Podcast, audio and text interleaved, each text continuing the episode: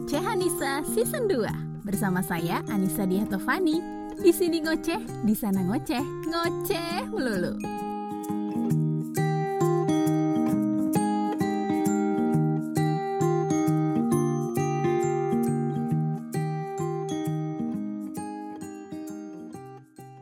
Memasuki bulan Februari, pas sekali atau identik orang-orang menyebutnya adalah bulan cinta.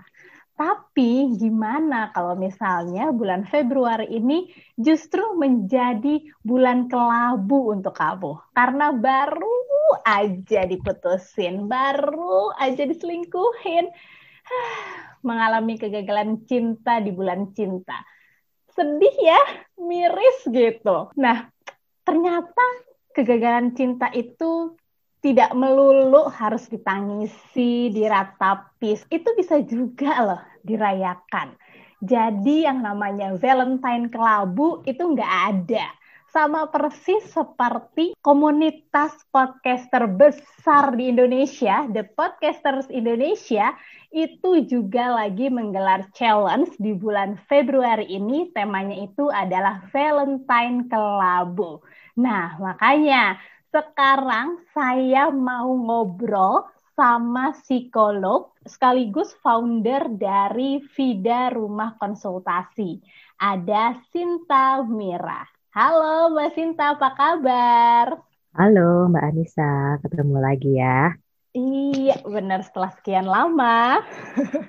Sehat-sehat Mbak Sinta? Iya, masih dilindungi Tuhan ya. Mbak Risa semoga juga sehat terus ya Mbak ya. Mm, amin, semuanya juga teman-teman sehat-sehat ya. Tadi sempat saya bahas di awal, ini Valentine harusnya penuh cinta gitu ya, penuh kebahagiaan. Tapi kalau yang baru aja mengalami kegagalan, masa sih harus terus diratapi, nanti imunitasnya malah jadi turun gimana sih caranya biar kita nggak terlalu terperosok gitu patah hatinya Mbak? Oke, okay. uh, memang banyak yang lagi bukan banyak ya, mungkin uh, dampak dari pandemi, stres, pekerjaan segala macam. Memang kok ya lagi banyak ya yang uh, patah hati, putus cinta, bercerai atau apa pun gitu ya dalam dalam beberapa bulan terakhir ini. Kalau mendekati Valentine, lalu lalu kita merasakan pahitnya atau mengingat-ingat pahitnya relasi yang pernah dialami broken heartnya memang pasti lebih lebih rasanya berat banget ya bulan Februari itu ya kan orang-orang saling berkirim coklat bunga tapi kok ya malah uh, ingat yang udah lalu. Iya yeah. ingat sedihnya nangis-nangis. Jadi gimana caranya kita bisa ngatasin gitu ya broken heart iya, ya, biar nggak terus-terusan sedih gitu loh, biar nggak kelabu Valentine-nya. Oke, okay.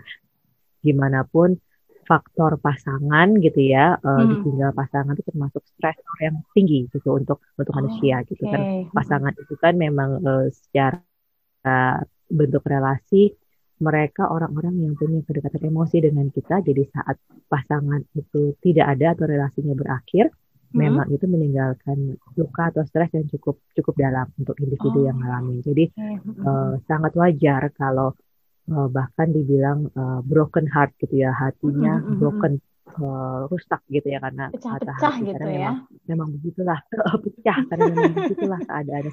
Sebenarnya Uh, banyak sih cara-caranya supaya tidak kelabu, tapi yang pasti kelabunya pasti ada. Namanya juga kita lagi broken. Jadi malah okay. jangan dipaksa kelabunya jadi hilang gitu Mbak. Oh. Jadi uh, karena ini Februari kelabu atau Valentine kelabu, oh enggak, enggak saya nggak mau kelabu, saya mau tetap Februari saya tetap pink. Mm-hmm. Ya nggak bisa diingkari, gitu. itu namanya mengingkari ya, karena uh, kunci pertama uh, dari ta- tahapan untuk uh, move on dari sebuah mm-hmm. uh, patah hati adalah menerima sakitnya patah hati itu accept menerima sakitnya jadi menerima si kelabunya ini menerima mm-hmm. menerima uh, rasanya yang pahit menerima rasanya yang nggak enak itu yang mm-hmm. harus diterima emang nggak enak tapi diterima gitu kalau mm-hmm. menerima tuh gimana sih caranya paling gampang kita ngelihat orang bisa menerima suatu uh, patah hati adalah uh, ya kalau bisa nangis sedih nah itu artinya kita me- merasakan sedihnya merasakan pahitnya, merasakan kelabunya. Diterima itu semua, bukan diingkari.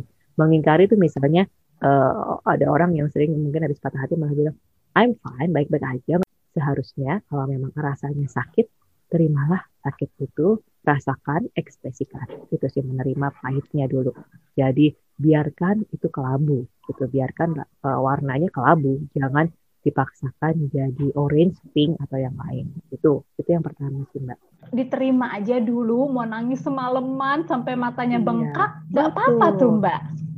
Betul, malah uh, momen-momen apalagi habis uh, putusnya, habis uh, cerainya atau mas pas momen-momen lagi patah hatinya itu memang itu yang harus diekspresikan dengan sewajarnya oh, ya artinya okay. kita kan juga nggak mungkin nangis berminggu-minggu gitu pasti kan uh, uh, badan kita butuh ya. makan butuh uh, aktivitas tapi kalau memang rasanya pingin nangis ya nangislah kalau rasanya pingin merenung gitu di kamar gelap-gelapan tutup jendela tutup korin ya udah lakukan pokoknya nikmati ekspresikan itu karena itu memang rasanya uh, sakit gitu ya artinya kalau kita ada bisa bilang iya gue sedih banget itu artinya udah bisa nerima itu gitu oh. yang pertama hmm. yang kedua memang setelah kita nangis ya hmm. memang kita harus uh, bangkit gitu ya harus hmm. sudah tidak boleh uh, ada momennya memang kita harus keluar dari kamar keluar hmm. dari rumah keluar dari kegelapan itu kita harus berusaha uh, kembali aktif yang pertama sih kalau habis uh, diputuskan atau berakhir sebuah relasi kita harus berusaha mengubah kebiasaan-kebiasaan bersama si pasangan yang dulu ada sama kita. Jadi misalnya kalau yang habis cerai gitu ya, selama ini di rumah ada pasangan, sekarang harus sendiri ya dia hmm. harus belajar, misalnya belajar belajar uh, masak sendiri, belajar gimana sih uh, mengurus diri sendiri, change habit ya, mengubah kebiasaan yang terkait dengan uh, pasangan. Change oh. habit, jadi mengubah kebiasaan, mengubah sesuatu. Kalau saya selalu bilang kalau habis broken itu kita butuh hmm? lembaran baru. Orang-orang pada suka itu ya potong rambut habis patah hati. Oh, Benar. Okay. Change the habit. Uh, lakukan sesuatu yang menandakan bahwa ini lembaran baru. War ganti warna rambut. Uh, ganti hmm. koleksi pakaiannya gitu misalnya sebelumnya oh, uh, pakaiannya hitam putih sekarang saya oh, pakai yang berwarna pink, orange, color, colorful gitu. ya bebas pokoknya ubah kebiasaan yang sifatnya lebih ke aktif dan positif membantu uh, ngelewatin sakitnya yang kelabunya itu mereka sebelumnya tinggal dalam satu atap ya Mbak. Uh, melek ya, mata ya. ketemu, mau tidur ya ketemu. Sekarang iya. melek mata di sebelah iya. gak ada siapa-siapa gitu kan Mbak. Iya. Nah itu kan Betul. perlu waktu ya Mbak. Gimana itu Mbak beradaptasinya? Iya, iya. Tadi kan karena nangis tuh fase yang pertama ya Mbak ya, masih uh, kelabu-kelabunya. Setelah nangis kan kita bisa tadi itu ya mulai keluar, mulai berkegiatan eh, aktif dan positif itu sebenarnya intensitas sedihnya sudah mulai berkurang. Kalau kita sudah mulai berkurang intensitas sedihnya biasanya pikiran sudah lebih oh. jernih ya untuk bisa uh, uh, ber, berkoneksi uh, dengan orang lain. Kita tetap harus ngobrol sama keluarga, ngobrol sama sahabat sehingga kita lama-lama akan belajar untuk fokus pada uh, masa kini. Jadi tidak melulu mikirin yang udah lewat. Jadi fokusnya di masa kini dan tujuan-tujuan kita di masa depan. Kita belajar fokus di masa kini dan uh, tujuan-tujuan kita, kita akan belajar uh, untuk uh, menjadi pribadi yang lebih matang ya. Jadi sudah menerima si kegagalan itu dan juga hmm. sekarang saya hidup di masa kini. Sekarang saya orang yang sudah pernah patah hati dan hmm. saya mau berusaha. Nah, berarti mindset untuk terus melanjutkan hidup biasanya baru ada mm-hmm. kalau kita sudah melewati fase nangis-nangis itu ya, fase kelabunya. Kalau udah lewat iya. baru deh terbuka iya. gitu pikirannya. Betul. Ya, Mbak. Kemudian baru bisa kita fokusnya ke masa kini, masa kini hmm. kita gitu. Misalnya sekarang saya mau apa sih? Saya oh saya mau balik kuliah lagi, misalnya hmm. saya mau kejar karir saya lagi atau saya mau pindah uh, tempat tinggal apa pun, tapi fokuslah pada masa kini dan juga masa depan yang mau dilakukan gitu. Boleh dibilang uh, kunci dari kita uh, merayakan kegagalan cinta adalah terima dulu mm-hmm. kelabunya ya Mbak. Betul. Ah, Betul. Ya ya, bukan denial ya. Nangislah dulu, bersedihlah dulu. Menerima menerima pahitnya itu adalah kunci bahwa kita emosinya sehat ya Mbak ya.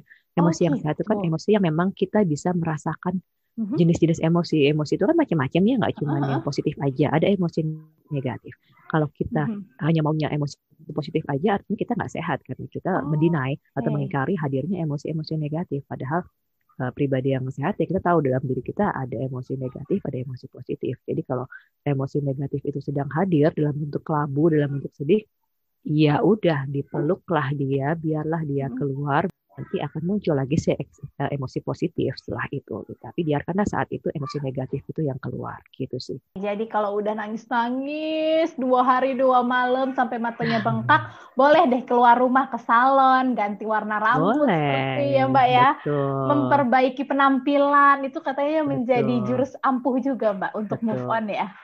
Betul. Saya juga selalu menyarankan ke klien misalnya huh? untuk move on selain ganti penampilan juga uh, gabung di sesuatu kegiatan yang baru. Jadi uh, titik baru saya. Anda juga mungkin yang lagi ngerasain kegagalan cinta bisa nih ikut masuk ke komunitas podcaster terbesar di Indonesia. Nah, iya benar, The Podcaster bisa. Indonesia. Masuk aja ke situ cari di Instagram ya. Siapa tahu di komunitas yang baru, teman-teman baru, eh ketemu cinta yang baru ya Mbak ya. Nah, itu side effect yang positif ya Mbak ya. Itu iya, bagus bener. banget karena memang Uh, karena berkoneksi sama orang lain terus menerus akan uh. membuat uh, apa ya painnya lebih ringan biasanya uh. gitu rasa sakitnya lebih ringan kalau kita uh. berkoneksi sama orang lain tapi kalau kita uh, sedih terus kita sendirian terus rasanya uh. makin dalam sedihnya tapi yeah. kalau kita sedih terus kita ngobrol sama orang gabung uh. komunitas diskusi ngomongin hal-hal yang menarik itu biasanya rasa sedihnya rasa sakitnya akan berkurang nah pasti yeah. kalau kegagalan cinta erat kaitannya dengan trauma Gimana caranya untuk nantinya kita bisa kembali membuka hati? Itu banyak biasanya kejadiannya di uh, kasus setelah bercerai ya Mbak ya, apalagi hmm. karena pernikahan kan cukup memberikan efek traumatis ya kalau memang hmm. gagal gitu ya. Jadi hmm. saat masuk ke sebuah institusi pernikahan yang baru biasanya lebih banyak kehati-hatian di situ. Hmm. Tapi memang tidak jarang uh, saking berhati-hatinya dibayang-bayangi oleh masa lalunya gitu ya. nah. ya. Dulu hmm. saya pernah gagal, biasanya agak berat di situ. Sebenarnya nggak ada yang salah dengan itu karena memang namanya pengalaman negatif pasti uh, kebawa sama kita. Tapi kalau udah bisa nerima, nah sekarang kuncinya adalah saya baru kemarin nih sebenarnya ketemu hmm. uh, kata ini gitu ya Don't judge yourself by your past. Jangan uh, apa ya menjudge atau menghakimi diri kita dari masa lalu kita, karena kita udah nggak hidup di sana lagi. Pengalaman negatif kemarin, hari kemarin bukan berarti akan menjadi pengalaman negatif hari ini. Gitu. Hmm. Jadi kita yang harus bisa menentukan di masa kini ini kita mau apa dan jangan ditentukan oleh masa yang lalu. Masa hmm. lalu tuh kayak di figura di kamar gede yeah. gitu. Jadi diliatin terus. Padahal masa lalu tuh udah lewat kan gitu ya. Dan gak bisa iya. diapain lagi. Jadi ya udah yang nama masa lalu masukin ke album tutup albumnya keluar kamar gitu aja gitu. Nah, tapi ngomongin figura saat kita masih menjalin hubungan, aduh foto-foto banyak banget yeah. sama dia, barang-barang juga banyak gitu ya. Kenangan-kenangan itu tuh mendingan udah deh dibuang aja, dibakar-bakarin. Atau ya udah cukup disimpan atau kalaupun di rumah mau dipajang pajang aja. Itu sebaiknya gimana sih Mbak biar kita cepet move on-nya gitu loh? Nggak ada patokan, sebisanya, sesiapnya aja. Beberapa barang-barang yang mungkin sifatnya sentimental ada baiknya yang disingkirin. Oh. gitu ya kayak cincin pernikahan. Tapi kalau barang-barang yang fungsional dan buat kita it's okay untuk siapa pakai ya udah nggak apa-apa eh, gitu. Rugi Artinya, ya mbak. Tergantung gimana kita. Iya dong. tergantung kita menyikapi menyikapinya ya mbak ya. Uh, perceraian terus ada barang-barang yang untuk keperluan anak gitu ya udah gitu kan itu harus digunakan sebaik mungkin untuk keluarga.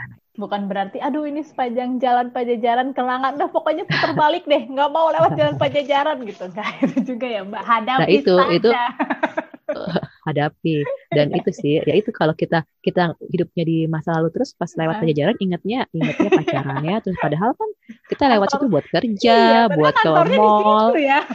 oh, iya Oke Mbak, kira-kira apa mm -hmm. satu pesan yang mau Mbak berikan kepada teman-teman yang saat ini nih lagi di kamar, aduh ngeliatin foto mantan, aduh lagi nangis-nangis terseduh-seduh. Kalau sudah uh, berakhir relasinya, terus kita bolak-balik stalking, stalking, hmm. uh, ngintipin sosial medianya, yeah. masih kepo. Oh, itu akan memperburuk rasa yang kita rasakan. Kalau emang sedih, nikmati sedihnya uh, daripada sosmed di scrolling terus segala macam mendingan kita nikmatin kesedihan kita keluarin kesedihannya tulis di buku terus udah itu ya udah keluar kamar change habitnya. Jangan menghakimi diri kita dari masa lalu kita yang udah lewat, itu nggak bisa diapain lagi. Yang bisa kita lakukan sekarang adalah menikmati yang masa kini dan juga hmm. fokus di tujuan-tujuan kita ke depannya. Okay. Kita pernah gagal dalam sebuah relasi bukan berarti kita manusia yang gagal dan keluar rumah kembali menjadi Anda yang baru dengan rambut baru, penampilan baru dan vibe yang Betul. lebih positif begitu ya Mbak Sinta ya. Betul. Iya. Mbak Sinta, terima kasih banyak sudah mau dicurhatin sama kita semuanya. Sama-sama Mbak Nisa. Sehat-sehat terus, salam untuk iya. keluarga. Sama-sama Mbak Nisa, terima kasih semuanya. Bye-bye. Iya, bye. Terima kasih telah menjadi temanku hari ini. Nanti kita cerita-cerita lagi ya di episode selanjutnya.